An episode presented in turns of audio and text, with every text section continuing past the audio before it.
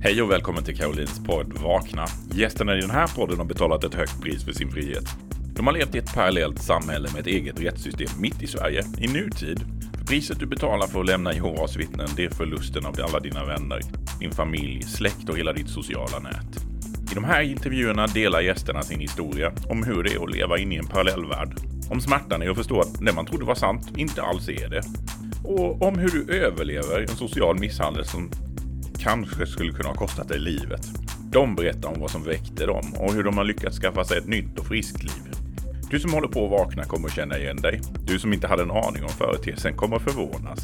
Det är dags att vakna med Caroline och gäster. Hej! Välkommen till ett nytt avsnitt av Vakna med Carolina och gäster. Idag har jag Jonas Skogstroll med mig. Jonas är känd från hans Youtube-kanal Goat Like Personalities. Han är en välkänd XJV-aktivist som både arrangerar fredliga demonstrationer runt om i världen med tydliga budskap, men också skarpa intervjuer på Youtube. Eh, han är också känd för sina humoristiska informationsfilm om Jehovas vittnen som sprids, delas och uppskattas av väldigt många avhoppare. Den lätta tonen och också snälla tonen tar udden av det sorgliga och går rakt in i kärnan. Det ska bli väldigt spännande att samtala med Jonas och det ska bli en intressant timme vi har framför oss. Välkommen hit Jonas! Tack Caroline! Kul att vara med! Ja, väldigt roligt. Nu undrar jag, har jag, varit helt, har jag varit helt grundlig i min introduktion eller har du någonting mer du vill tillägga om vem Jonas Skogstroll är? Jonas Skogstroll, jag har en Youtube-kanal som heter Goat Like Personality, inte Goat Like Personalities, men det är Skillnaden är bara singular och plural. Men eh, för de som inte varit Jehovas vittne så kan jag berätta att Jehovas vittnen tror att om du inte är Jehovas vittne så är du en get. För du vill inte mm. följa order, men Jehovas vittne ser sig själva som får. Eftersom de är lätt att leda och att de följer order. Så har du getliknande personlighet så förtjänar du att dö Harmageddon. Så det var ganska enkelt val att välja till min Youtube-kanal att heta Goat Like Personality. För jag också är getbonde i Norge. Ah, men då förstår vi ju, eh, då förstår vi ju länkningen där. Så du ja. är ju då en, en aktivist. Hur ser ditt liv ut numera? Ja, vad jag, jag, har, jag har en gård med, med getter.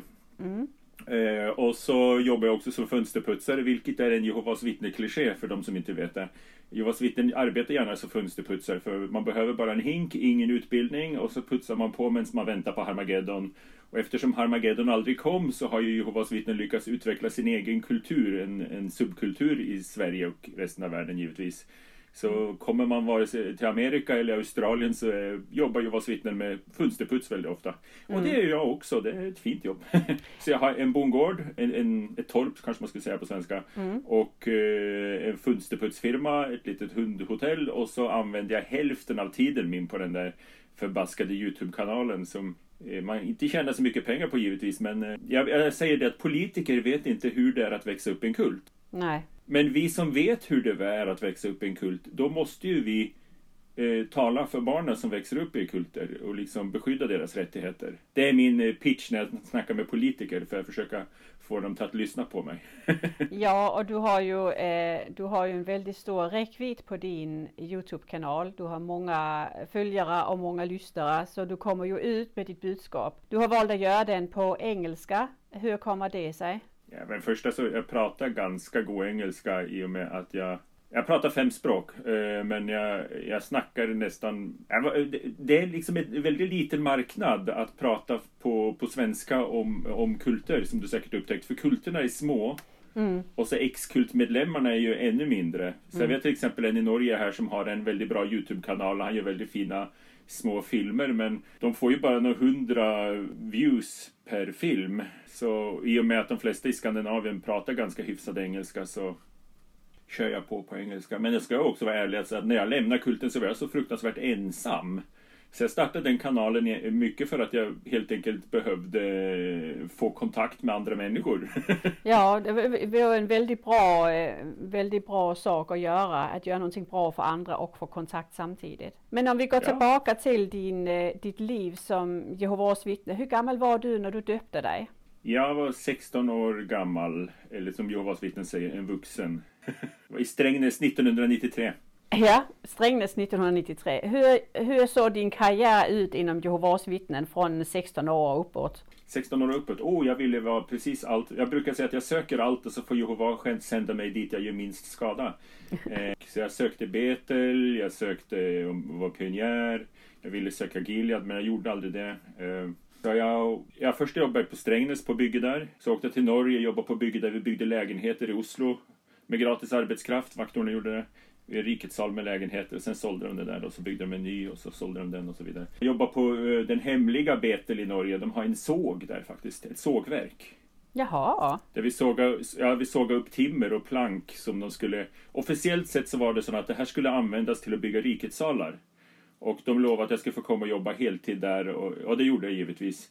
Och att vi skulle få jobba till Harmageddon för det var så stort behov. Men så stod jag och jobbade, så stod vi och sågade upp två tum åtta. Du vet, det är ganska grovt virke. Ja. Och jag frågar liksom, för att normalt sett om man sågar upp på en lokal såg till ett specifikt projekt, till exempel Rikets sal, ja då har man en lista över olika fraktioner man ska såga upp till.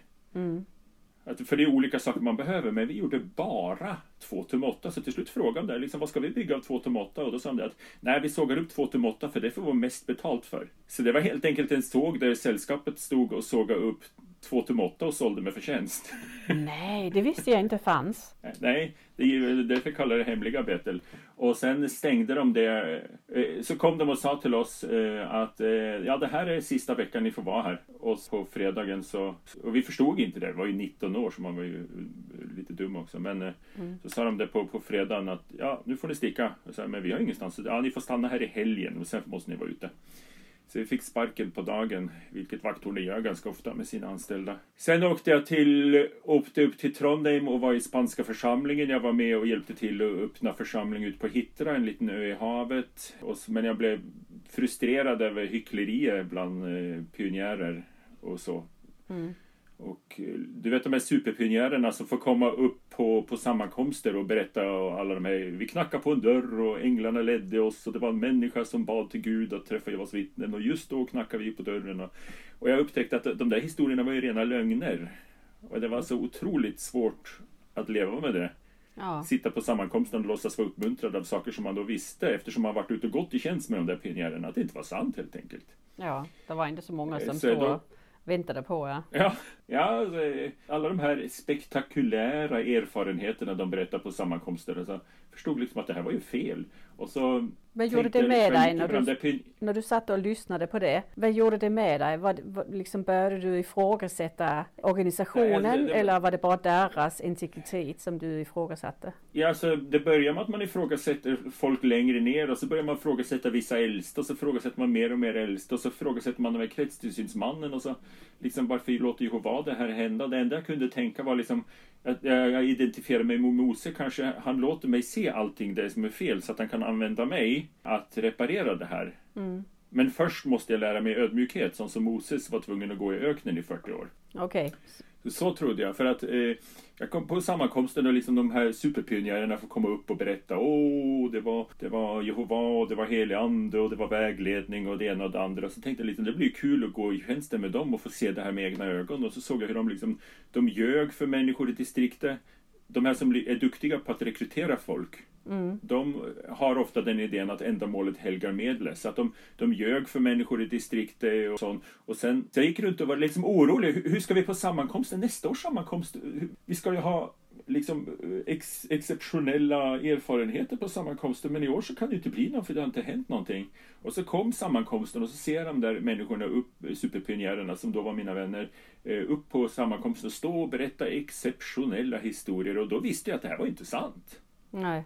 Mm. Så de ljög både för, för, för distriktet och de ljög för sig själva och de ljög för... Och det där var hårt att svälja så jag flyttade ut i, i ledigt distrikt heter det på norska. Ett, ett område där det inte fanns några Jehovas alls. Mm. För jag tänkte liksom att om vi ska predika på hela jorden så varför ska vi gå runt till Trondheim när människor inte är intresserade och vi måste ljuga ihop erfarenheter. Mm. Så jag flyttade ut och så bodde jag i en Toyota Starlet, en liten bil. Jag hade tre lådor, en med litteratur, en med konserver och en med kläder och så var jag ute och gick och jag hade ju inte pengar till bensin heller. Jag gick långa dagar. Jag, längsta jag gick i tjänsten på en dag från dörr till dörr var 16 timmar. Wow, gick du själv? Ja, ensam, bara jag och Jehova. Jag gick och sjöng och läste Bibeln och jag hade ganska kul. Det låter som en sån Jehovas eh, vittne från 30-talet, ja. Ja, och så lyckades jag leva på bara putsa fönster två dagar i månaden. Oj! Och man ska ju som Jehovas vittne vara fullständigt självuppoffrande. Jag, liksom, jag tog verkligen, det sant, så jag, jag lyckades komma liksom helt ut så självuppoffrande man kan vara nästan innan rimlighetens gränser. Och så var jag stolt över det, för liksom och jag kommer ihåg att jag berättade för en kretsisman liksom att så, så, så, så, så. Han tittade på mig och lyssnade. Och så när jag hade sagt färdigt så tittade han bara på mig och sa Varför har du ingen slips? Hur länge orkar du med liksom- det tempo? Jag menar, det är ju ganska så eh, unikt och extremt exempel du satte som pionjär. Eh, Ja, liksom, eh, Men, men det, det, var, det var för extremt. och- Så att, Ja. då, blev man uggleset för det istället. mm. Men hur, eh, hur länge gick det innan du valde att, du blev, nu är du ju utesluten idag. Hur gammal var du när det hände och, och vad var det som ledde upp till din uteslutning? Ja, eh, jag lyckades gifta mig med en mycket söt och trevlig och mycket fin människa som var Jehovas vittne. Och eh, vi bodde också ute i Lede-distrikt där och det var människorna i distriktet var fantastiska vilket var så otroligt svårt att förstå då att, liksom, att de skulle dö i Harmageddon. Det är helt fantastiska människor i Åf, en kommun som heter Åfjord i Norge.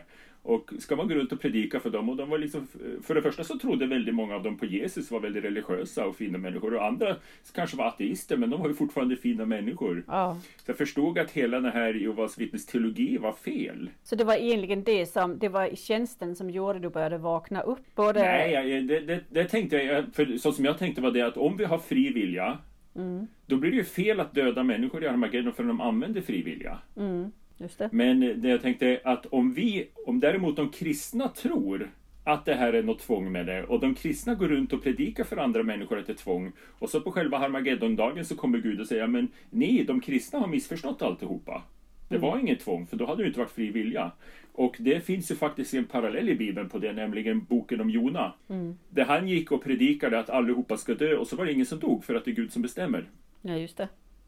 Och då satt, då satt en Jona under en eh, buske där och är sur. Och Jag tänkte sån kommer det vara efter Harmageddon. Då kommer mormonernas profet och Jehovas vittnens styrande råd och katolikernas påve. De kommer sitta under varsin buske och vara sur för att du har ju lovat att du skulle döda allihopa. Och så säger Gud, varför skulle jag döda allihopa? Jag bara jag ville att ni ska predika för att liksom en, ett argument. Då, då stämde ju alltså religion helt plötsligt att om Gud inte dödar någon, ja då har vi fri vilja. Men att vill att vi ska predika precis som han ville att Jonas ska predika. Men Harmageddon kommer egentligen aldrig eftersom Gud är kärlek. Okej. Det trodde jag. Så du började Men- men ju det- och, och ifrågasätta läran om Harmageddon? Ja, men alltså, jag kunde fortfarande tro min version av det där. Ja. Mm. Parallellt med att göra, delta i predikoverket. Och vad, Så, eh, hur länge Men, fortsatte men du då som började jag pionjär? givetvis bli lite mer och mer okomfortabel med hela den idén att om jag hade sagt det högt så hade jag blivit utesluten. Ja, Det börjar jag bli okomfortabel med, för det ska ju liksom vara en kärleksfull organisation. Och det betyder att man måste kunna vara lite, eh, prata lite fram och tillbaka och vara lite oenig. Så jag, började, jag förstod liksom Guds kärlek, sånt som jag trodde då, att, att Harmageddon kommer, men han kommer inte döda någon nästan. Kanske någon, men eh, det är säkert någon som förtjänar det. Men, men, liksom, i stora hela kommer man bara förlåta alla och, och säga att alla religioner har haft fel, men nu, nu är vi färdiga med det här och så går vi vidare. Det trodde jag skulle hända. Och sen när jag hade Eftersom jag tyckte då jag hade predikat riktigt ordentligt i den kommun med 3 500 invånare, då plockade jag upp en Jo, jag gick ju givetvis jag och min fru på, på Gilead-möten. Det är Jehovas vittnens eh, missionärsskola. Eh, så möten för sökare till Gilead. Och, och då räckte upp handen och frågade liksom, vad ska till? Se bort från propagandan, liksom, vad är verkligheten? Vem får bli antagen till Gilead? Och då sa de det, det är bara de som har lyckats som pionjärer, det vill säga att de har rekryterat många. Och jag har aldrig rekryterat någon. nej. Och så, och så vi, visste jag, jag har ju fått långt upp i halsen de här som, eh, som rekryterar många, för de var ju, det var ju ofta, inte alltid, men väldigt ofta lögnare och manipulerande människor. Så liksom, ska jag gå på Gilead, sitta ett halvår med sådana som jag inte vill umgås med för att jag inte respekterar dem? För att, på grund av deras metoder. Så jag tänkte, okej, jag får ordna mitt eget Gilead. Så vi plockar fram eh, årsrapporten över Jehovas vittnens arbete. Och det finns, Jehovas vittnen finns i ungefär halva världen. Men eh, de finns i Mongoliet. Mongoliet är stort som hela Skandinavien per yta. Det finns bara 90 mil med asfalterade vägar i hela landet. Och bara 70 Jehovas vittnen då. Så tänkte jag okej, okay, där är det störst behov. Så jag började lära mig, jag läste mongolska lagar och studerade och gjorde förberedelser för att kunna försörja mig själv där och allt möjligt. Och så tänkte jag att vi skulle lära mig ryska också.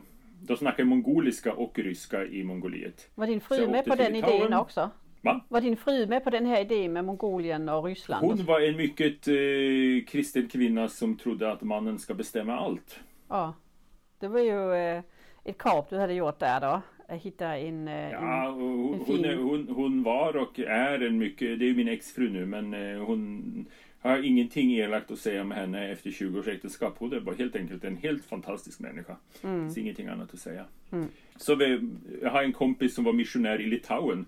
Så jag, vi åkte flytta till Litauen ett halvår för att och var pionjärer i Litauen. För att kunna lära oss ryska, så vi gick i ryska församlingen och så betalade jag en, en rysk kvinna till att eh, undervisa mig och henne då i ryska tre timmar om dagen eller något sånt. Och då när man sitter på möten och inte förstår, det som är med, med Jehovas vittnen, alltså, eh, deras sätt att hjärntvätta folk är helt enkelt med volym. Du, blir, du, är du får aldrig tid att tänka själv, för du, du, tänker hela tiden på det de säger att du ska tänka. Nu ska du studera det här, och så säger de åt dig hur du känner. När du studerar det här så blir du uppmuntrad. Om du inte studerar det här, då får du dåligt samvete. Nu ska du läsa det här, nu ska du läsa det här, du ska läsa det här. Så du tänker hela tiden. Mm. Du känner inte att du är hjärntvättad för du tänker ju precis hela tiden. Men du tänker hela tiden på det de bestämmer att du ska tänka. Mm. Så när man då går på ryska möten och sitter där då är det som att de drar ut en plugg från hjärnan där man kan bara sitta och tänka själv eftersom man inte förstår ryska. Och kan sitta och tänka sina egna tankar. Och helt plötsligt liksom kan få kristallisera det att man faktiskt inte är enig med Vaktorne och att det som Vaktorne säger som inte stämmer med Bibeln, för det är väldigt mycket de säger som inte stämmer med Bibeln, är inte okej okay från ett kristet perspektiv. Och så helt plötsligt det här eh, laddade språket som man är van med. Till exempel när man på svenska får höra om den trogne och omdömesgille slaven. Ja, men det låter ju så fantastiskt. Men när man hör det på ett annat språk så hör man liksom Virni blagarumni rab på ryska. Och då tänker man slav? Slav? Det är ett helt fruktansvärt ord. Det är ett helt vidrigt, fruktansvärt avskyvärt ord. Varför skulle Jesus Kristus använda ett sånt vidrigt och avskyvärt och fruktansvärt ord någonsin? När, när man, får, när man får, får ta bort det här hjärntvätten som man är uppväxt med och får höra det på ryska och man förstår ryska och ta orden bokstavligt. Så ser man det här är, är de, de flesta, om det är ett Jehovas vittne som lyssnar på det här, så är de, vet de innerst inne att den bibeln du ser i Gamla Testamentet är en fruktansvärt otrevlig person. Och man lyckades, lyckas knuffa det längre bak i huvudet genom att säga ja men Jesus var snäll. Men mm. Jesus han använder väldigt mycket av samma uttryck. Han tar aldrig ett uppgör och säger att slaveri är fel. Istället använder han ordet slav om sina medmänniskor. Jag tror du det är eh, därför han... att Jehovas vittnen eh, slår väldigt hårt på att man ska lära eh, religionen på sitt eget språk. Eh, för jag har hört detta här innan, att i det ögonblick man, man tar till sig eh, religionen på ett annat språk, då vaknar man upp. För att språket betyder inte samma sak, ta det bokstavligen. Kan det vara, mm. Tror du det är därför att de alltid slår på att man måste lära det på sitt eget språk? Jag tror det har mer blivit liksom eh, deras brand. Alla religioner, då får man en brand liksom att mm. vi är eh, mormoner, vi är de med skyltarna, Jehovas vittnen, vi är de som inte tar blodtransfusion. Och så blir det liksom det, det som blir, det du är känd för och kan mätas blir en del av identiteten och identiteten blir då gudomlig på något sätt här. Mm. Jag, jag, tror mer att eh, deras idé hur de motiverar sina obetalda anställda är att vi ska predika för alla på hela jorden. Och så blev språk någonting som kan mätas. Du kan mäta hur många språk trycker vakttornet, för det trycker egentligen. Trycker vi på och de kör ju fortfarande på det liksom att ja, vi har fler språk på vår hemsida än Google. Så jag, jag tror det är det, för jag tror faktiskt och också är det det, vem vill du rekrytera till en kult? Jo, det är ju klassiskt sett att du vill gärna rekrytera immigranter. Mm. För att de kommer till en plats och har inte vänner och då är det väldigt lätt att eh, suga in dem i en plats där du tillber. Här kan du komma och då får du, oj, här har du 50 vänner på en gång. Alla älskar dig hela tiden så länge du är i första fasen av att bli rekryterad. För du får en färdig mall och leva efter i det landet. Ja, jo, jo, så, Eh, så att jag tror det är det som sp- språket var från början där Jehovas vittnes fokus på språk. Att okej, har vi många finnar i Sverige så var det ju det att finska invandrare som flyttat till Sverige de hade inga möten att gå på, då började de falla bort. Mm. Och då startade man finska församlingar för att ha dem kvar. Men på finska så är det inte så många som blivit, eh, vad heter det, det är inte så många finska invandrare som blir rekryterade. Nödvändigtvis. Men när det gäller andra språkgrupper som till exempel serbokroater i Sverige så var det ju faktiskt under kriget, det var ju otroligt lätt att bjuda in serbokroater på möte. Vi kunde ju ha hundra intresserade serbokroater på möte i Flen. Helt enkelt för att de har gått igenom ett trauma och de var en ny plats och hade inte fått några hobbyer och kanske inte hade så många bekanta just då. Nej. Och då var det väldigt lätt att rekrytera. Och sen tror jag det bara blir en besättelse för sällskapet för att de har den idén att vi ska predika för alla. Så träffar du någon som har ett språk som bara snackas av en människa så är det liksom ohejdad religiös iver att vi måste sitta och översätta en traktat till den snubben också. Ja. Så vad, Vilket är en fin tanke. när var Men de skjuter sig själv i foten. När, ja precis, när vill du anse att du vaknade? Alltså när Ja, det vet jag precis när jag gjorde. och fattade att det här det är inte gudomligt, nu är jag, det här är inte gudomligt. Var det när du satt i, och hörde det på ryska? Nej, det, det byggde ju upp mot det. Men så var det det att den här lärarinnan, hon, vi skulle hon kunde bara ryska och litauiska. Så att få henne till att lära mig, så tänkte jag, då gick jag och skaffade mig min bok med bibliska berättelser på ryska. Det är en avskyvärd barnbok som Jehovas vittnen har. Och som jag läst, kunde nästan utantill när jag var liten. Så jag gav henne ett ryskt exemplar och mig ett ryskt exemplar. Och så läste vi ett kapitel i om, om gången. Ja. Så började jag där och så läste vi ett kapitel och två kapitel och, och så när vi kom en bit fram så tittade hon helt plötsligt förvånad på mig och sa Du tror det här är på riktigt? Jag sa, ja, såklart det är på riktigt. Jag tittade på Nej, ja, jag tror det här är bara legender och så. Jag tänkte, ja, så, så går det med de världsliga. Jag tror det här är legender. Men Hon, tittade förvånad på det, tror det här är sant. Och så läste vi ett kapitel till. Och så var det kapitlet efter det. Så vände vi och där var det bilden när, när Noa packade in djuren i arken. Han står med en mycket, mycket liten herdestav som jag vet inte vilken djurart den herdestaven ska passa till för man måste ha olika herdestavar till eh, olika djurarter för att djuren är lika stora. Men han står i alla fall med en herdestav och pekar på att djuren ska in i arken. Och så ser man två kängurur som hoppar in i arken. Och min, hela min värld bara stannar. Helt stanna. Och jag bara kom ihåg, jag tänkte, jag har kastat bort mitt liv. Det, det, det här är ju inte sant. Det bara ju för dig där. Alltså, ja, alltså, hur skulle, alltså de kängururerna, då skulle de alltså ha hoppat från Australien till Araratberget. Så ska de hoppa in och sen ska de hoppa tillbaka. Mm. Det säger sig självt att de där, eh, om det hade varit en sann historia, även om de hade lyckats hoppa från Australien över Himalaya hela vägen till Ararat och motivation då var att överleva det här eh, brutala massmordet som Gud har skapat. Men, men sen om de hoppar ut av arken, då har de ju faktiskt ingen motivation att hoppa tillbaka till Australien. Även om de hade varit intelligenta och förstå det, att de skulle tillbaka till Australien, så hade de inte haft någon motivation. De hade ju bara hoppat lite grann ut i Kazakstan eller någonstans. Det är ju trevligt att vara det är ju kul att vara känguru i Kazakstan, som jag brukar säga.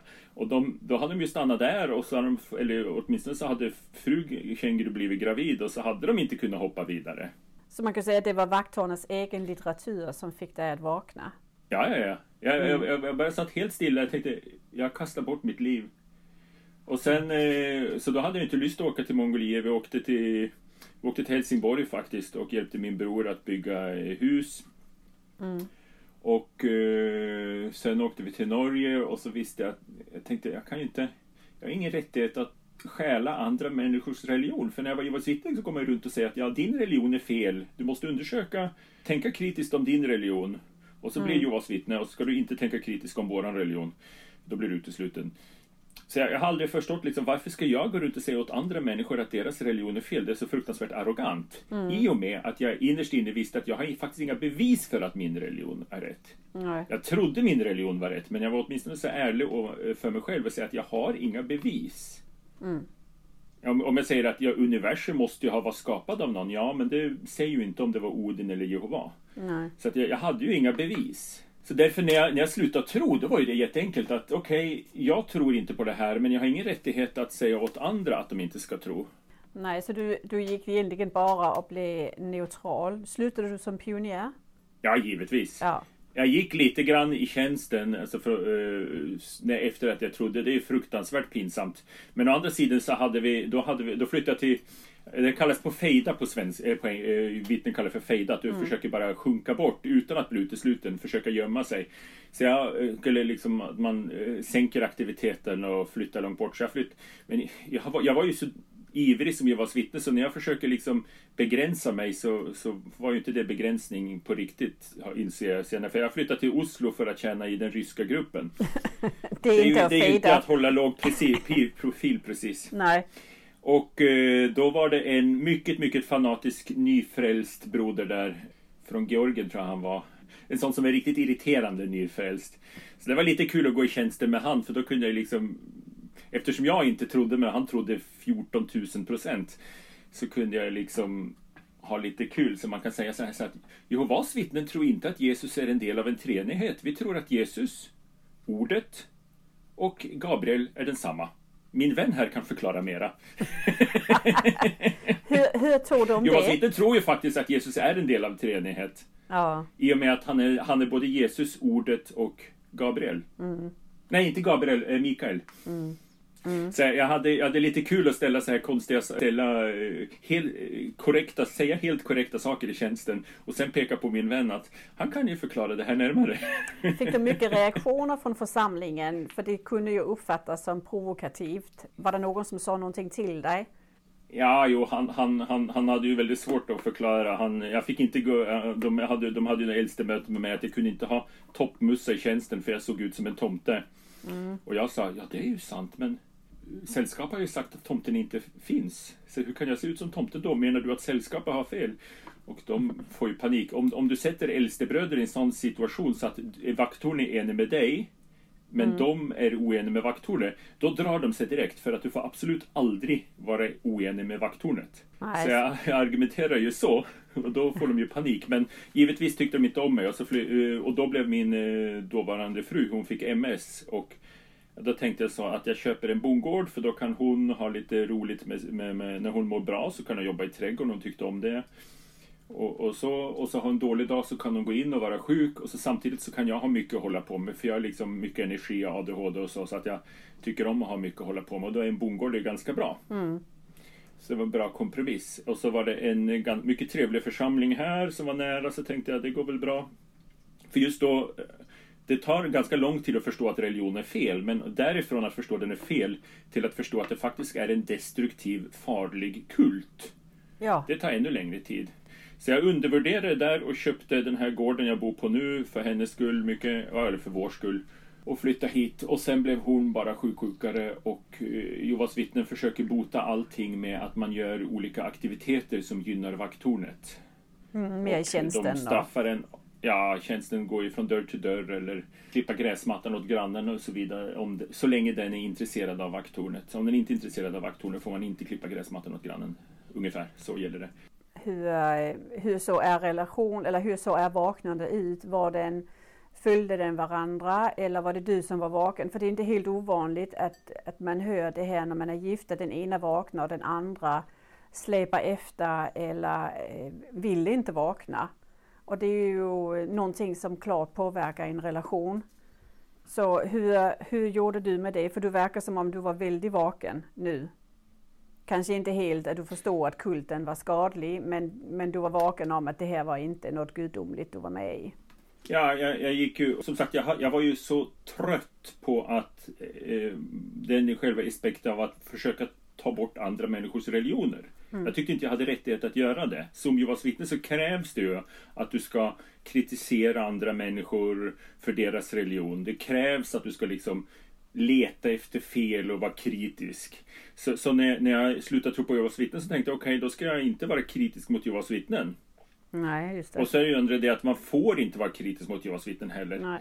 Men en mycket stor del av det där var ju att jag, jag tänkte ju att när man, som vittne så får man hela tiden lära sig att om du inte tror på det vakttornet säger så är du en dålig och omoralisk människa. Mm. Och, och det var jag ju inte klar över att det, den lilla hjärntvätten låg i mitt huvud. Så därför var jag, jag, var jag skämdes fruktansvärt över att inte tro. Mm. Så jag sa ju inte det till henne helt enkelt för att jag skämdes. För att i mitt huvud så när man säger att ja, vittnena de kallar sin egen religion för sanningen.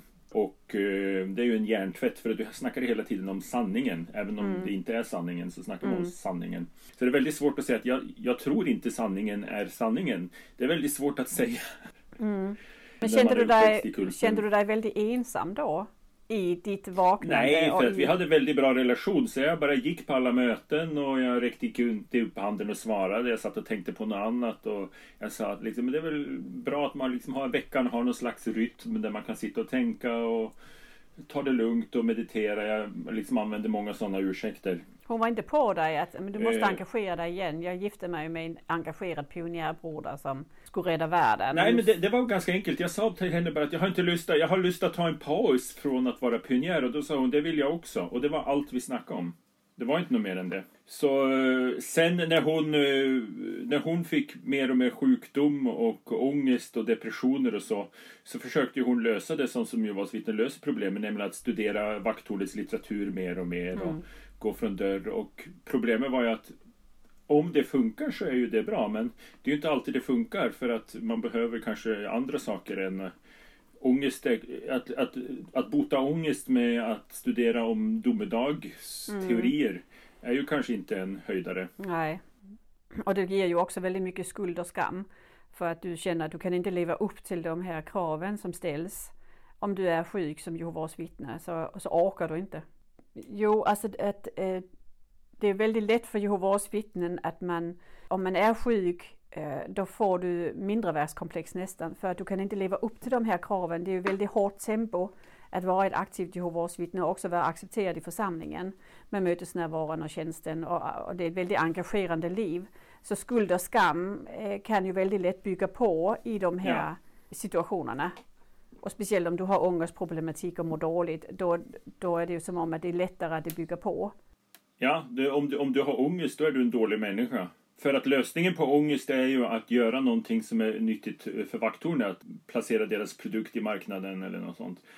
Så eh, de försökte ju lösa hennes problem med och att hon och jag ska sitta och studera Bibeln tillsammans, det, det funkar liksom inte ens när vi trodde så, så funkar det helt enkelt för att jag läser så fort och hon läser så långsamt. Det är bara så att man är olika som person. Men i vaktornets värld så heter det att mannen ska ta ledningen i det andliga arbetet och bla bla bla bla bla. Och det tyckte jag var idiotiskt. Varför ska vi sitta och läsa? Varför ska jag sitta och läsa för henne ur en bok? En vuxen kvinna kan ju läsa själv. Liksom, det är ju nedvärdigande tycker jag. Och Ja. speciellt eftersom vi har läst i ett helt olika tempo hon och jag. Mm. Så var ju det bara idiotiskt. Så det, det gjorde vi aldrig. Men då när, när Jehovas vittnen eh, liksom tränade att gå till de äldste innan du går till, du ska nästan, du får gå till psykolog men du ska liksom först gå till, eh, be de äldste om ursäkt för att du gör det eller få deras godkännande av att göra det. Och de Men gick du att- då, gick ni och pratade med de äldste om er familjesituation? Nej, men hon gjorde det. Okej. Och därmed blev det ju bara värre och värre. För deras lösning var ju det att ja, om du, om, om du har ångest så är det för att ni inte studerar tillräckligt. Stu, eh, läser din man Bibeln för dig varje dag? Nej, det gör han inte. Aha, ja, men då vet vi vad som är problemet. Det är han. Och om, då ska vi lösa det genom att du ger någonting värdefullt till vaktornen, nämligen din tid. Och då blir allting bra för att då får du helig ande. Så kommer de och hämtar henne och drar henne ut från dörr till dörr. Och man blir ju inte frisk av att ge till vaktorn även om vakttornet säger det. Så då blev hon ju sjukare och då var ju lösningen att ge ännu mer. Och, då, och de säger att du, och då inte det funkar så motiverar de henne, stackars kvinna, med, med skuldkänslor och så. Så de säger tänk på alla människor som, tänk på alla människor som dör i Harmageddon. Alla som dör i distriktet här i Harmageddon. Det är ditt fel om inte du predikar.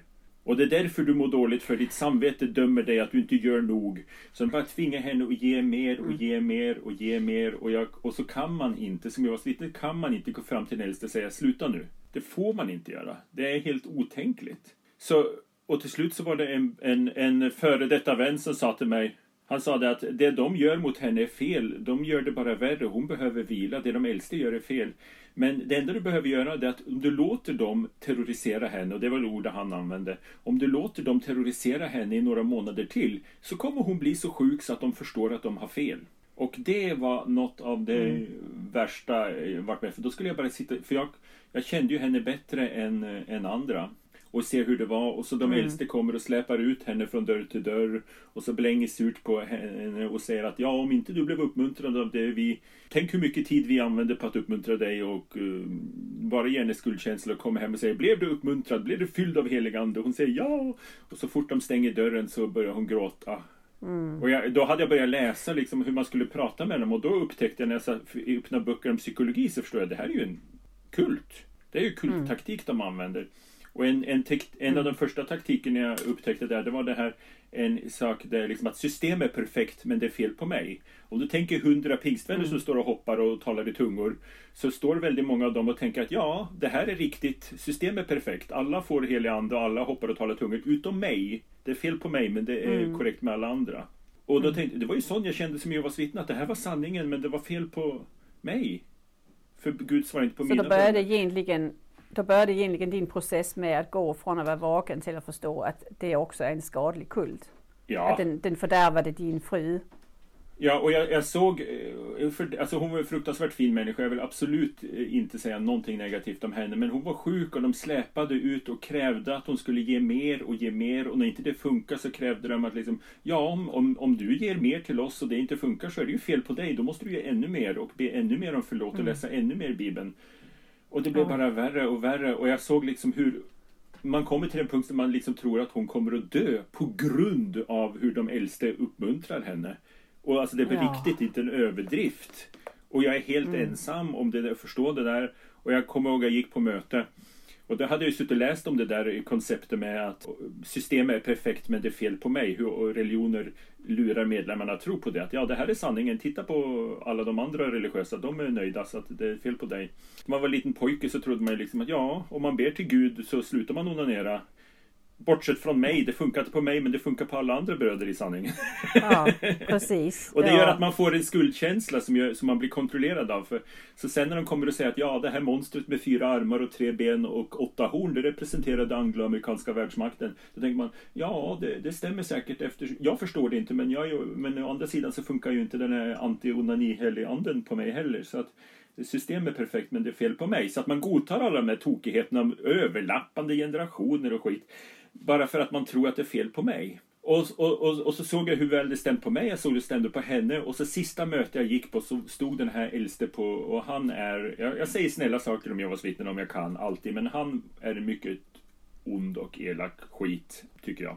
Och han stod och sa, på norska då, men på svenska blir det så. Ni vet hur det är vänner, ni vet hur det är vänner när vi kommer hem från vårt världsliga arbete, då vi är trötta och så känner vi, ska vi sitta hemma? Men så säger vi, nej, vi ska gå ut i tjänsten och så går vi ut i tjänsten några timmar och när vi kommer hem, då är vi fulla av energi och glädje och fulla av energi. Visst är det så? Och så tittar jag på hela församlingen, de sitter med ett st- stort kultaktiga leenden och nickar och tänker det här är ju tokigt. Och så vänder jag till, mig till min fru som jag då tror är döende. Och, och hon med tindrande ögon och ett stort leende sitter och nickar också.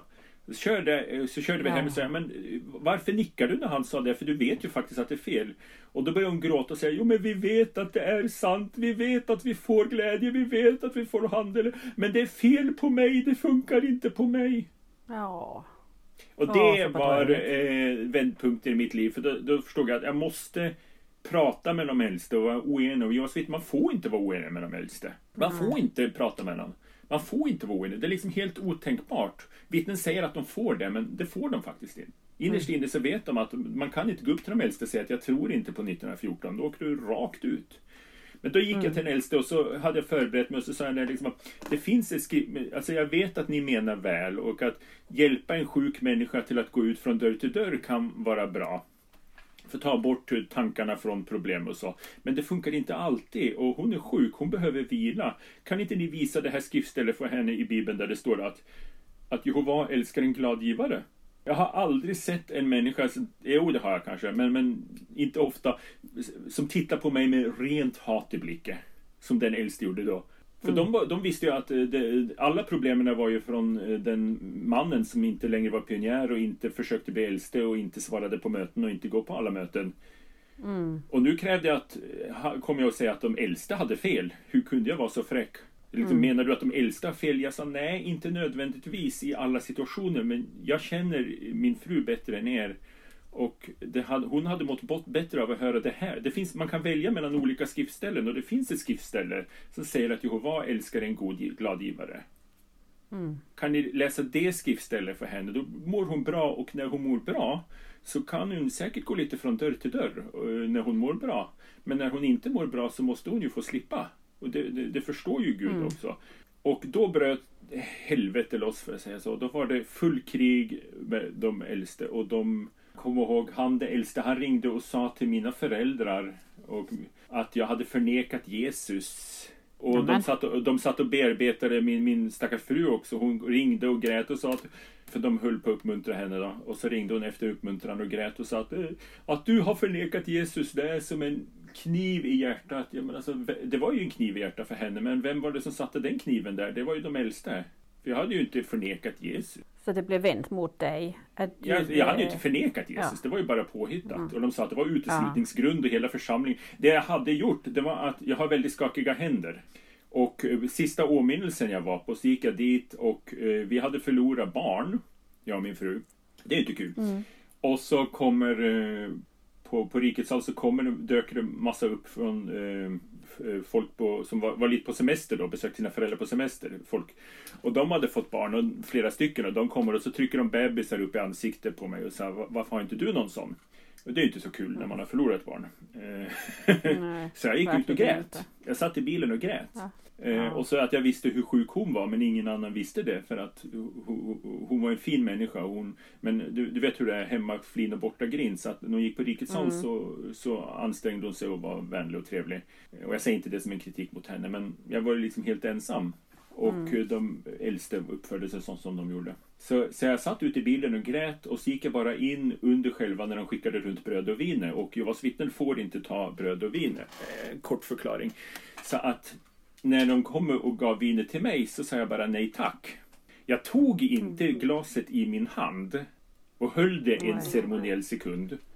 Utan jag, jag bara höll det i min hand och... Nej, alltså jag höll det inte i min hand. Jag, mm. De räckte glaset mot mig och jag sa nej tack utan att hålla det i min hand. Och detsamma med bröd. Och det är ju helt enkelt varför skulle jag hålla ett glas i mitt hand om jag inte ska dricka? För det första. Mm. Och för det andra så har jag mycket skakiga händer. Det är liksom en lidelse jag har. Och det är inte kul för mig att hålla ett, ett, ett, ett vinglas i handen i full offentlighet för det är liksom förnedrande. Mm. Mm. Så, så, jag gjorde inte det.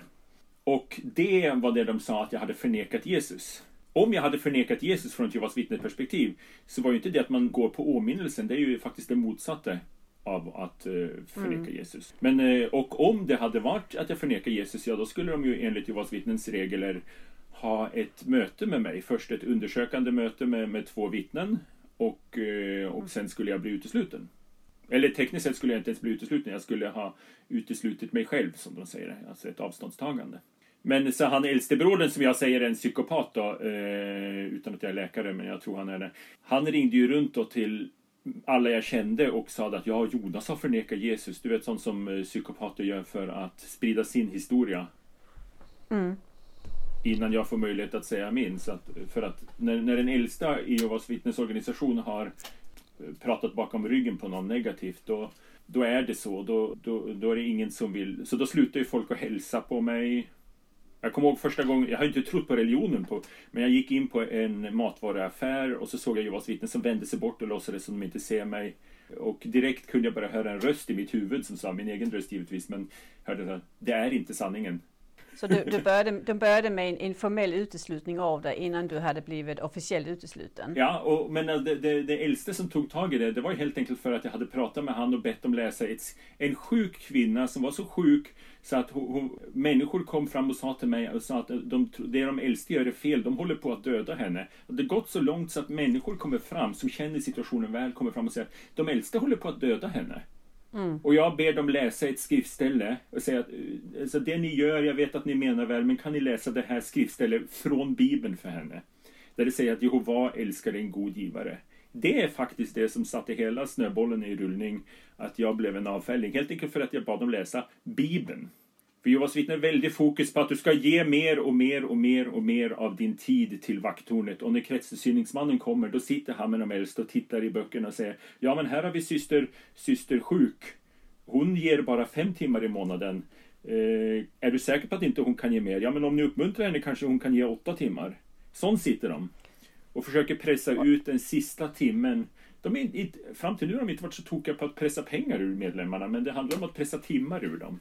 Ja, precis. Så detta här är ju någonting som kan göra en människa väldigt eh, arg och bitter. Men du är ju inte arg och bitter idag. Så hur har din, hur har din process sett ut från att liksom släppa detta här och faktiskt bygga upp det livet du har idag? Um, om, om, man, om man säger, vad har, ditt, vad har ditt verktyg varit för att inte bara bli jättearg? Är det aktivismen som du började glida in på eller vad är det som ja. har gjort att du inte man, bara har blivit helt vansinnig? Ja, det är en bra uppsummering för att eh, när man är Jehovas vittne så försöker man undvika känslor. Du, du, du är liksom, det är obligatoriskt mm. glad, obligatoriskt lycklig, aldrig mm. arg. Du får mm. inte vara arg. Eh, så du måste undertrycka ilska. Och det är inte vettigt. Ilska är bra, bara att man måste kunna använda det vettigt. Så att, eh, det här var en helt extrem situation där hon höll på att dö för mina, framför mina ögon som det var. Och eh, mm. givetvis blir man arg, men det är att använda ilskan, inte undertrycka den. Det är därför mm. folk som lämnar organisationen är ofta, ofta mycket arga i en period. Helt enkelt för att de har kanske gått på i 20-30 år och undertryckt ilska. ja, precis. Nyttigt. Så hur har du gjort för att inte... Är det då aktivismen som har gjort? För, bara, bara för att summera lite fort här. Ni har ju då gått skilda vägar, ni är inte ihop idag. Ja, hon, hon eh, lämnar mig och, för religion. Hon, hon lämnar mig och sa att jag älskar ja. dig, men jag älskar dem mera. Och då pratar hon om de äldste helt enkelt. Ja, och det var innan du var utesluten. Så ja. även om, om du inte formellt var utesluten så, så, så gick ni skilda vägar. Och sen, hur lång tid tog det då innan du blev officiellt utesluten? Ja, det, de, jag blev utesluten tror jag var i... De uteslöt mig bakom min rygg faktiskt. Men jag blev utesluten i... tror det var november 2019. Då var jag nere i Australien på en protest. Men då hade... För att du, du har ju de varit lite försökt på det sättet. Mig ett år. Ja. Du har, du har ju liksom... Du är ganska ny utesluten då. Ja. Men, men har, har din familj betraktat dig som utesluten även innan ja. eh, hösten 19? Ja. Det har de gjort. Jehovas vittnen har ju den, de får lära sig att om, om någon har problem så ska du dra dig undan och låta de äldste hantera det. Så att eh, mm. om till exempel jag som Jehovas vittne skulle åka ner till Helsingborg och besöka Caroline, då kanske jag till och med skulle ringa till de äldste i din församling innan och fråga hur går det med henne andligen? Och då kan ju de säga vad de vill och baserat på vad de säger så vill jag besöka dig eller inte besöka dig. Så de har ju sån här eh, soft-uteslutningar eh, olika. så, så när var du senast tillsammans med din familj? Syskon och så? Eh, att mina föräldrar träffade mig i smyg som som Nikodemus. De bad att få komma till att vi kunde mötas i hemlighet i Polen. Mer eller mindre. Så att vi, vi möttes i Polen. Och det var i 2017 var sista gången jag träffade mina föräldrar. Men varför? Är det för att du då har ansett som dålig inflytande? Ja. Eh, I 2006, du vet Jehovas vittnen har inte alltid uteslutit. I 1951 så skrev de till och med en artikel om att uteslutning var obibliskt. Och det var ett mm. sekulärt vapen som de onda katolikerna använde eftersom onda katoliker är så fruktansvärt onda. Kort tid senare införde Jehovas vittnen uteslutning och i 1981 införde de det att man får inte lämna Jehovas vittnen alls. Man får inte, mm. man får inte skriva ett brev och säga att jag, jag vill inte vara Jehovas vittne. Och sen i 2016 så sa de det att, eh, att de här reglerna gäller också om även om någon inte är utesluten men om någon inte ger tid varje månad till vakttornet. Så ska man behandla Men det är intressant detta här för att många tror att ja, men om jag bara slipper undan och blir utesluten så kan jag fortfarande ha min familj kvar. För det är ju ett, ett problematik för många som har slutat tro på Jehovas vittnen att man vill inte bli utesluten för då förlorar jag all min familj. Men du förlorade faktiskt din familj utan att vara utesluten.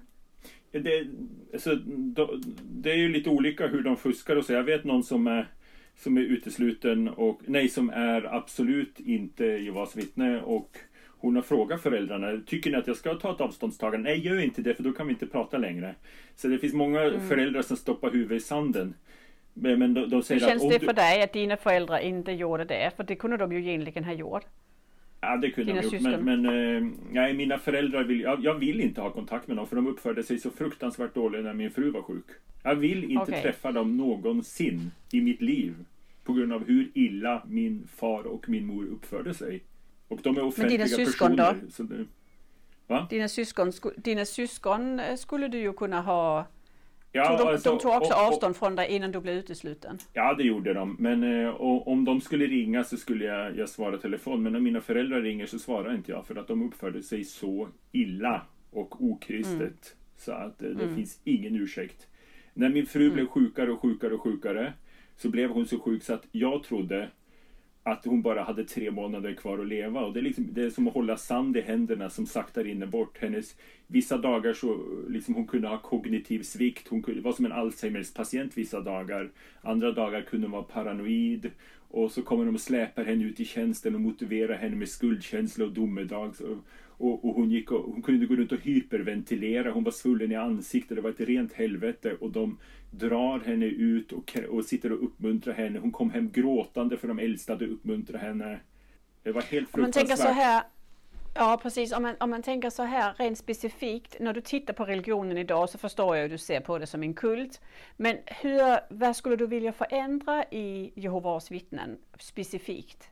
Det är faktiskt väldigt enkelt. Eh, vakttornet uppför sig som en narcissist. I alla situationer så gäller reglerna vad är bra för vakttornet? Vad är bra för vakttornet? Vad är bra för vakttornet? Vad är bra för vakttornet? Det, det genomsyrar precis allt. Och vissa av de där sakerna har bara bli- blivit kvar för att från början var det en tryckeriverksamhet. Så de sa skaffa inte en utbildning, använd tiden till att placera, sälja egentligen eftersom de fick pengar, men de använde ordet placera. Använd tiden att sälja våran produkt. Skaffa inga barn, använd tiden att sälja din produkt. Och så. Idag så, så, så kan de inte sälja produkter, ingen som vill betala för papper. Men, men eh, hela tiden, varför ska inte vittnen ha en utbildning? Jo, för att de vakterna tjänar pengar på att sälja produkt. Hade Jehovas vittnen krävt tionde som mormonerna, då hade, ju, då hade det varit en helt annan ljud i, i pipan. Då hade det varit skaffa en rejäl utbildning och få en jobb som tjän, där du tjänar bra. Så du vill egentligen, de får- det, du, det som du, du tycker ska förändras det är att man ska börja se på medlemmarnas bästa, inte på vakthornens bästa. Precis. Tänk till exempel Ah. om ett barn blir utsatt för ett övergrepp. Vad är det objektivt bästa för barnet? I västvärlden så vill ju det objektivt bästa för barnet vara att kontakta professionella myndigheter. Sen kan ju de göra alla möjliga fel i olika länder, det, det vet jag. Men, men troligtvis gör de det bättre än de äldsta. Det bästa för barnet vill vara att kontakta polisen eller olika myndigheter. Men vakttornen har hemliga möten där det viktigaste är att det de säger, inte bringa vanära över Jehovas namn eller egentligen inte få vakttornets brand att se dåligt ut. Så det är ju vad är bra för vakttornet och vad är bra för barnen. Alltid vad, eller sånt som min fru. Den här idén att man ska använda tid för att eh, sälja vakttor, eh, rekrytera nya medlemmar till vakttornet. Alltså det var absolut inte det bästa för henne. Nej, så du anser egentligen att människor går sönder i organisationen? Därför Ja, att du hela tiden ska se till något annars bästa. Men anser du myndigheter har ett ansvar på detta? Ja, att agera jag. mot Jehovas vittnen? Hur, vad, vad tycker du myndigheterna ska göra? Jag var Jehovas vittne mot min vilja i 14 år. Mm. Och man är, man, de kräver att man ska arbeta för Jehovas vittnen mot sin vilja. Det är ju faktiskt slaveri. Mm. Och i Norge och i Sverige så får Jehovas vittnen statsbidrag baserat på hur många medlemmar de har. Så om vi säger nu att, nu säger jag bara hitta på en siffra här, men eh, och gissar att kanske 5% av Jehovas vittnen är där mot sin vilja, det tror jag mycket väl kan stämma. Eh, Så 95% är där villigt. Och det är kul för dem. Det är inte de vi snackar om. Så om, om det är Jehovas vittnen som lyssnar på det här som älskar att vara Jehovas vittne så gratulerar, det är kul. Jag, du får fortsätta vara Jehovas vittne. Det, det, det är inte dig vi snackar om. Men de andra som inte vill vara Jehovas vittne, som till exempel jag var 14 år, och blir hållt fångna mot vår vilja för att annars förlorar vi vår familj och, eh, och det där. Det är ju faktiskt slaveri. Och staten ger då bidrag till Jehovas vittnen baserat på hur många medlemmar. Så därför finns det en direkt korrelation mellan hur många människor i Sverige som blir hållt i slaveri mot sin vilja med hur mycket Ja, statsbidrag du får. Mm. Alltså de ger statsbidrag baserat på hur många slavar en slavägare håller fången. Anser du att Jehovas vittnen lever upp till barnkonventionen? Absolut ett- inte. Nej. Absolut Hur- inte. Jag hur tror det är- är 34 punkter jag har här som de bryter mot. Vilka punkter är det? Om du tar Ja, några av de viktigaste. Alltså, det en, ena är ju det att ett barn ska ha rätt till egen identitet. Som Jehovas vittnebarn så har du inte rätt till egen identitet. Du ska, du ska identifieras som Jehovas vittne. Eh, Jag kommer när jag var liten fick vi inte ens identifieras som svensk. vi var inte Jehovas vittne. Vi var inte svenska, vi var Jehovas vittne. Eh, Och eh, du ska beskyddas mot eh, övergrepp, alltså sexuella övergrepp. Det har Jehovas vittne. De menar väl. Men eh, sånt som den instruktionen är byggd upp så är det så att eh, de blir i praktiken inte beskyddade. Du kan se på australiska Australian Royal Commission om du vill ha mer information om det. Men eh, eh, du ska också ha rättighet till lek, tid till lek. Det, är kanske inte det största brottet men jag ville säga min uppväxt så hade vi inte det. Jag tror vi räknar att det, är, det tar, för ett barn så tar det 940 timmar i året att vara barn till Jehovas vittne. Mm. Och det ska då komma i tillägg till skola. Mm. Så det är nästan en heltidsjobb att ha förälder. eh, Alltså för ett barn så är 930 timmar väldigt mycket. Mm. Det är en halvtidsjobb. Det var väldigt intressant. Det är någonting jag har reflekterat mycket över som, som förälder själv nu när jag har barn som jag kan uppfostra mina barn utanför Jehovas vittnen. Hur mycket tid man, man stjäl från barnen med möten och tjänst och, och istället för deras sportaktiviteter och, och kalas och, och kompislek. Um, Okej, har du fler? Det är väldigt intressant detta här. Eh, Ja, eh, en, annan, en annan sak är att barn ska bli uppmuntrade. Inte bara ha möjlighet, men de ska bli upp... För att barn kan ju behöva uppmuntring. Så de, de har rättighet eller krav på att bli uppmuntrade till att göra egna undersökelser. Heter det på svenska? Undersökningar på svenska kanske. Att undersöka fakta och studera och gi- givetvis utbildning kommer med den där. Men de, de har krav på att bli uppmuntrade till att undersöka det här själv, tänk kritiskt, titta om funkar det här verkligen? Och har, har Jehovas vittnens barn, blir de uppmuntrade att göra sina egna undersökningar? Nej, det det, blir de de inte. verkligen inte. Det, det är ju faktiskt som man får höra att, eh, och barn tror ju på allting. Man får höra, om du vi kan predika för andra människor men de får inte predika för oss. Och, de, och så använder de skrämseltaktik. De säger att om en pingstvän ger dig en traktat, om vi, du kan ge en traktat till en pingstvän. Men om en pingstvän ger dig en traktat och du bara tittar på den, bara tittar på överskriften, så kan du bli besatt av demoner. Sådana saker, eh, lite olika från familj till familj, men väldigt mycket sånt får man höra. Eller att man får stryk, eller att man helt enkelt inte får tid för att du använder 930 timmar i året på att läsa Vakttornets propaganda och därmed har du inte tid att undersöka någonting annat. Och det är ett övergrepp mot barn. Barn ska ha rättighet att, att eh, undersöka andra saker. Hur anser du att de ser på religionsfriheten? För barn har ju egentligen rätt till sin egen religion eller ingen religion. Ja. Eh, hur, hur anser du att Jehovas vittnen lever upp till den delen i barnkonventionen? Jehovas vittnen tycker själv att de upplever till det, för de säger det att eh, om du vill dö i Harmageddon så respekterar vi din rättighet att dö i Harmageddon.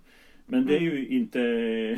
Det är ungefär detsamma som att säga om du, om, om, om, du, om du vill sitta i fängelse så respekterar vi din rättighet att sitta i fängelse. Men då kan man inte... Om, om man säger att det, du får råna banken men vi respekterar din rättighet att vilja sitta i fängelse. Det blir ju fel. Alltså antingen får du råna banken och slippa sitta i fängelse. Eh, Så det är det, enligt Europeiska människorättighetskommissionen och eh, barnkonventionen så har man rättighet att välja religion och att byta religion. Jehovas vittnen respekterar att människor får byta religion om de byter till Jehovas vittnens vakthornreligion. Men man får inte byta från vakthornreligionen till en annan religion. Och det har stått i Vakna har det stått det när det snackas om att byta till vakthornreligionen så står det att det är orimligt att någon skulle förlora sin familj på grund av att han vill byta religion. Men när man byter från vakthornreligion då säger de att ja, men det är en kärleksfull föranstaltning från Jehova att du förlorar din familj. Och om du inte vill umgås med din familj så respekterar vi det. Men det är ju faktiskt inte tillfälle. I mitt tillfälle så har det gått så långt att jag inte vill ha kontakt med mina föräldrar. Men det är för att hur de har uppfört sig och det säger ju givetvis att om de inte vill umgås med mig på grund av hur jag har uppfört mig, de tycker det så. Men, men i Jehovas vittnen säger ju inte det snack om en individuell eh, val. Utan det är helt enkelt att om vakttornet säger att någon är utesluten, då får du inte prata med han. Mina föräldrar kunde själv bli uteslutna om de pratade med mig. Och om de blev ja. uteslutna så fick deras barn inte prata med dem. Så det är ju så att, mm. det här är ju inte snack om individuella val. Jag skulle bli mycket Nej. glad om vakttornet sa så här att mina föräldrar får prata med mig och så skickar mina föräldrar ett brev till mig att de inte vill prata med mig. Det hade jag varit helt okej okay mm. med. Men att mm. vakttornet ska sitta som en myndighetsorganisation med statsbidrag och bestämma vem, vilken familjemedlem som får prata med en annan. Och om du mm. kommer ihåg den artikeln som var i 1951 hvor Jehovas vittnen anklagade katoliker för att mm. uteslutning var fel och obibel så sa de det att detta är obibliskt och det är ett sekulärt vapen. Så Jehovas vittnen beskriver uteslutning som ett sekulärt vapen, ett tvångsmedel, en, eh, ett, liksom ett hot, en utpressning som katolikerna använder för att få sin vilja igenom. Men är det inte då detsamma när vaktorna använder då uteslutning, att det är ett sekulärt vapen, ett olaga hotmedel? Det måste ju vara samma. Ja. Precis, precis. Kan du, kan du tycka idag att du har ett lyckligt liv Jonas? Ja, det är så mycket. Alltså, när man var vittne så trodde man det värsta som kunde hända någon att inte vara Jehovas vittne. Men när man lämnar mm. och man lyckas bearbeta det här och liksom livet bara blir bättre och bättre. Liksom, det, det, blir bättre. Inte nödvändigtvis, men man måste ju lägga ner lite arbete. Men jag slutade dricka, jag mår bättre, jag, har, jag, har, jag är inte arg längre, jag mår bra. Och jag är liksom eh, faktiskt riktigt lycklig. Inte precis mm. hela tiden, jämt och ständigt som en, liksom slags, som en kult. Man måste gå runt och vara glad hela tiden för vi Jehovas lyckliga folk. Men nu är man faktiskt lycklig på riktigt mår säga, riktigt fått, bra. Du känner att du har fått balans i livet nu när du ja. inte har eh, religionen att balansera eller förhålla dig till hela tiden? Eh, eh, om du tänker att du skulle haft en fästing på ryggen som suger blod och du mm. inte kan se den för att den är så stor så att den, den, tar bort atmosfären. Alltså du, sån är det. Liksom, det är som att förlora en 3000 kilo tung fästing på ryggen. Sån är det att bli av med Jehovas vittnen. Det är en blodsugande narcissistisk organisation. när man tycker det är roligt att ha den fästingen, då är det jättekul och det är jättekul. Ja, det var, när jag var Jehovas vittne så var det många perioder jag tyckte det var jättekul att vara Jehovas vittne. Jag trodde på religion, jag trodde på paradiset och, och så vidare och det var kul. Men när det går snett, det, och vad Jehovas vittne, jag brukar jämföra det med dynamit. Jag vet inte om du har hållit dynamit i handen, det har jag gjort många gånger för jag var på bygge. Och det ser bara ut som en liten korv. Det är inte farligt att hantera dynamit. Det är inget problem alls.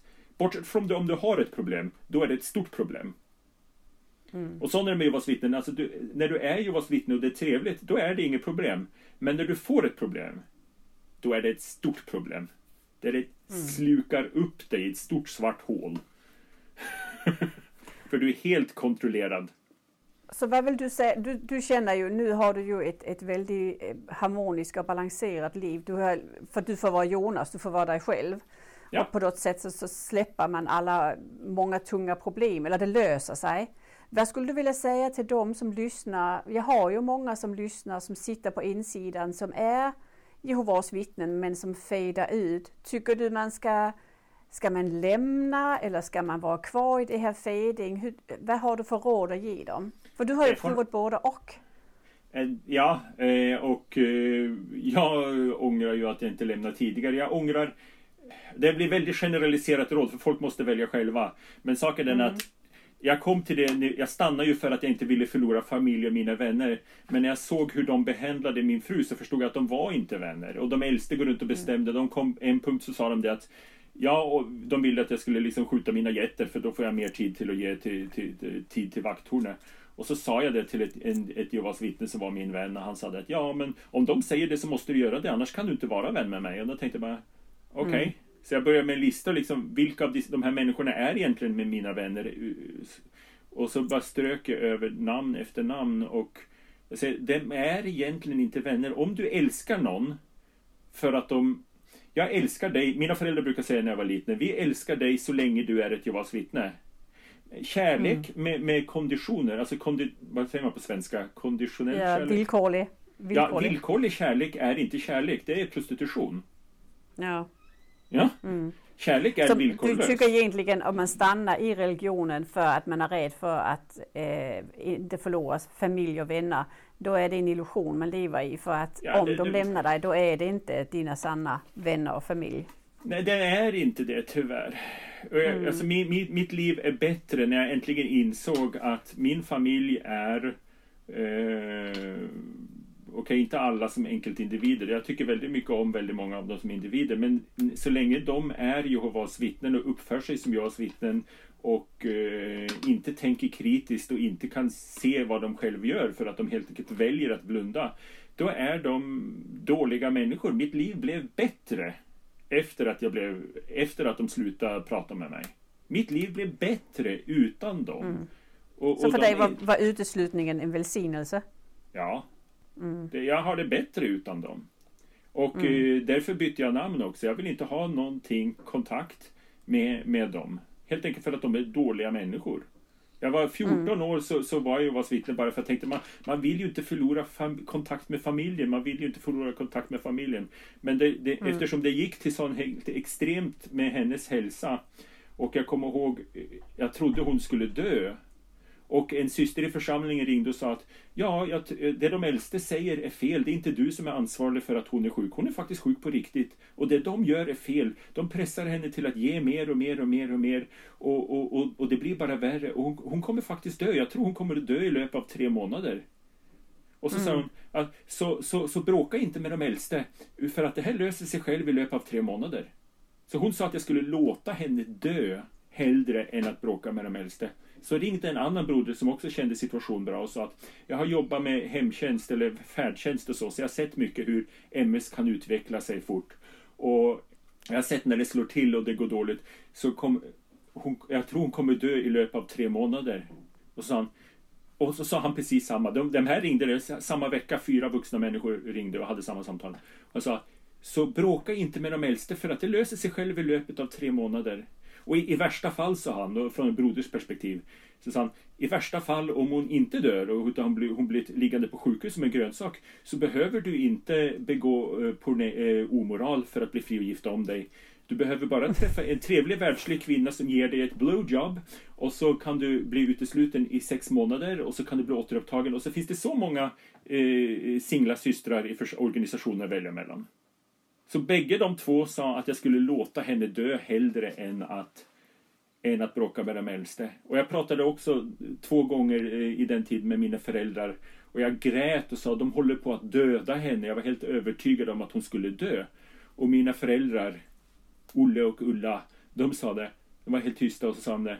Farsan som sa det högt och han sa att ja, i värsta fall så dör hon. Men det viktigaste är att du är lojal med de äldste. Och då är det så Ja. att min far Olle Gustafsson, han har suttit, det han berättar, att han har suttit i äldstemöten med en, med en psykopat i Flens församling och uteslutit oskyldiga människor. Så han har ingen ursäkt till att säga att man ska vara blind lydighet till äldste. I och med att han själv erkänner att han har varit med och uteslutit många oskyldiga människor. Och, och han var inte oenig med hur, hur sjuk min fru var och att som sagt det var många som trodde att hon skulle dö och sa tre månader oavhängiga av varandra. Och då jag bara, jag, och när den samtal med mina föräldrar upprepade sig två gånger på rad där de var mycket, mycket väl medvetna om situationen och jag gråter och säger att hon kommer att dö och de säger ja, det, det, det är möjligt att hon dör nu. Men det viktigaste är att du är lojal med de äldste. Jag slutade älska mina föräldrar. Sista gnutta kärlek som fanns är borta. Jag vill, ah, om de lyssnar på det här, hej då. Hej då. Hej då. Jag vill aldrig mer träffa er. Någonsin. På grund av hur ni uppför er. De fick vartenda tvivel kom de till godo. Min far har suttit och uteslutit oskyldiga människor med en psykopat, det erkänner han. Och han visste att den äldste brodern här var en lögnare och en psykopat. Han visste att de höll på att döda min fru. Och fortfarande säger han att jag ska vara lojal med psykopaten. Det finns ingen ursäkt för det. Jag vill aldrig mer träffa honom och därför bytte jag namn. Jag heter inte samma efternamn som mina föräldrar längre. Jag bytte namn Nej. till Skogstroll. Jag heter Per Jonas Skogstroll. Jag fattar inte hur det blev godkänt. Men det är mitt officiella lagliga namn faktiskt. Jag heter Per Jonas. Skogstroll och det är kul. För Jehovas vittnen är rädda för troll, de tror att de finns på riktigt. och Jonas, det som är härligt är ju att även om det är en väldigt stark berättelse och väldigt stark upplevelse du har av detta, då lyckas du förmedla en värme och en humor i dina Youtube-film. Eh, där du liksom eh, med humorn kommer rakt in till kärnan eh, istället för eh, den ilska bitterhet som lätt ja. kan vara väldigt dominerande när man upplever de här starka känslorna. Samtidigt så kanske också det är det som har fått dig så långt bort ifrån det och snabbt komma igång med ett nytt liv. Jag menar, du har inte varit utesluten så länge, men du har väldigt snabbt kommit på fötterna och fått ett bra liv. Eh, ja, där du hjälper många bra när man lämnar det där. Ja, det, det, det är liksom, jag mår så fruktansvärt bra. Och det är ju det viktigaste och det är det som är budskapet också med podden att ja, det kan kännas tufft att lämna men det är så mycket värt det på andra sidan att få vara sig mm. själv och få leva som man är. Du, du vet att jag slutade mina Youtube-filmer med att säga See you in paradise. Ja. Och det är ju helt enkelt för att det finns ett paradise nu. Det är inte världens bästa paradise men man kan bygga det. Det här min bondgård, det gör ju jag, har ju, ju, jag var ju självmordsbenägen till helt extremt i en många, många år. Jag, jag, uthållenhet får man lära sig som Jehovas vittnen och jag tog det som mm. till extremt för att jag älskade verkligen min fru och till slut så lämnade hon mig med orden jag älskar dig men jag älskar dem mer. Och mm. då var jag färdig med kulten fullständigt och ut. Men mm. eh, och hon ville komma tillbaka till mig senare men jag orkar inte helt enkelt inte. För att jag krä, det är minsta jag kräver av en fru att hon ska älska mig mer än de äldste i församlingen. Ja, eh, Men jag vill inte säga något elakt om henne. Hon är en helt fantastisk människa. Eh, det finns ingenting negativt att säga om henne. Så, men ehm, jag var ju självmordsbenägen och jag började titta på filmer om avfällingar och jag såg att de är ju glada. Så att jag tänkte jag ska göra glada filmer med jätter och solsken och visa att det finns ett paradis utanför organisationen. Och jag får det många... finns ett best eh, life ever på ett annat ja, ställe. Ja, för jag, jag får många tillbakemeldingar. Folk de är det finns ju massor med Youtube-kanaler där de försöker förklara att Jehovas vittnen har fel, att deras bibeltolkning är fel. Och jag har ju tittat på dem och så tänkte jag, hur i hum hum kunde jag vara så dum och tro på deras bibeltolkning? För den är ju helt vansinnigt fel. Och det är bland annat för att de har en egen skräddarsydd bibelöversättning som översätter många mm. saker och ting fel och så lägger till saker och ting som inte står i den riktiga bibeln. Men, men det är ju egentligen inte det viktiga för att jag tror inte på Bibeln, så att deras bibeltolkning är fel är ju inte så viktigt. Och det är många som kanske lämnar för att de är ateister eller lämnar för att de helt enkelt inte vill leva på det viset. Men, men det är många som är självmordsbenägna, otroligt många som är självmordsbenägna och då har ju faktiskt humor en del av läkandeprocessen. Att man helt enkelt bara kan skratta åt tokstolleriet. Den mest populära filmen jag har, den som heter om The Overlapping Generation. Eh, där jag förklarar hur det, och eh, den överlappande generationen funkar med att ta, ha, ha överlappande getter. Mm, jag kommer ihåg, den är väldigt rolig. eh, och det, eh, jag har ju själv varit väldigt skrämd när jag har sett den stora statistik på eh, självmordsbenägenhet på andra sidan. Ja. För att eh, det, är så, det är så tragiskt med att, att gå igenom det man går igenom som en utesluten Jehovas vittne. Mm. Men Jonas, vi har pratat väldigt länge nu. Vi har varit långt omkring. Eh, jag vill tacka dig för ditt eh, deltagande. Är det något sista som du vill tillägga som, till en lyssnare här? Ett budskap till de svenskarna som, som lyssnar? Gärna ja, de som sitter på insidan. Jag kan ju hälsa till min före detta släkt. Eh, det är en mycket stor Jehovas vittnessläkt som heter Nyman från Sollefteå-hållet. Mm. Eh, mycket trevliga människor och så har jag före detta familj i Flens församling som heter Gustavsson och jag har till och med i Helsingborg Gustavsson och Sibelius. Så jag kan hälsa till mm. dem. Och mm. eh, bara säga det att jag har ingenting mot dem som människor men jag förtjänar inte att bli så fruktansvärt dåligt och kärlekslöst behandlat som de uppför sig. Så att jag vill inte umgås med dem helt enkelt. Men eh, om de ringer så ska jag svara om de vill ringa, så det är inte det. Men eh, om det är någon som är Jehovas vittne så tänk på det att Bibeln säger att den sanna religionen skulle vara känd för kärlek och Jehovas vittnen är inte känd för kärlek. Jesus var känd Nej. för kärlek. En slav är inte större än mm. sin herre, men Jehovas vittnen är inte kända för kärlek. Jesus var känd för kärlek, så det visar att någonting var fel. Så mm. jag ville rekommendera att läsa en bok som heter Samvetskris av Raymond Frans. Det är många Jehovas vittnen som läst den och fortfarande är Jehovas vittnen efter att ha läst den. Och det är många som lämnar organisationen efter att läsa den. Så att kunskap är makt. Så den boken vill jag rekommendera. Eller gå på Goat Like Personality på Youtube och like and subscribe. Tack så mycket Jonas för en väldigt, väldigt spännande intervju. Ja, det var trevligt att få vara med. Vill du vara med i Vakna med Caroline och gäster? Att dela med sig av sina upplevelser kan frigöra en hel del blockeringar och hjälpa dig vidare i livet. Det är ofta helande och läkande att höra sig själv berätta vad man har varit med om och som man faktiskt har klarat av. Det är som en tung ryggsäck som man kastar bort för att gå vidare med nya och friska krafter. Besök reject.com och anmäl ditt intresse om du vill vara med. Knappa in r-e-j-e-c-t.com reject.com. Du varmt välkommen.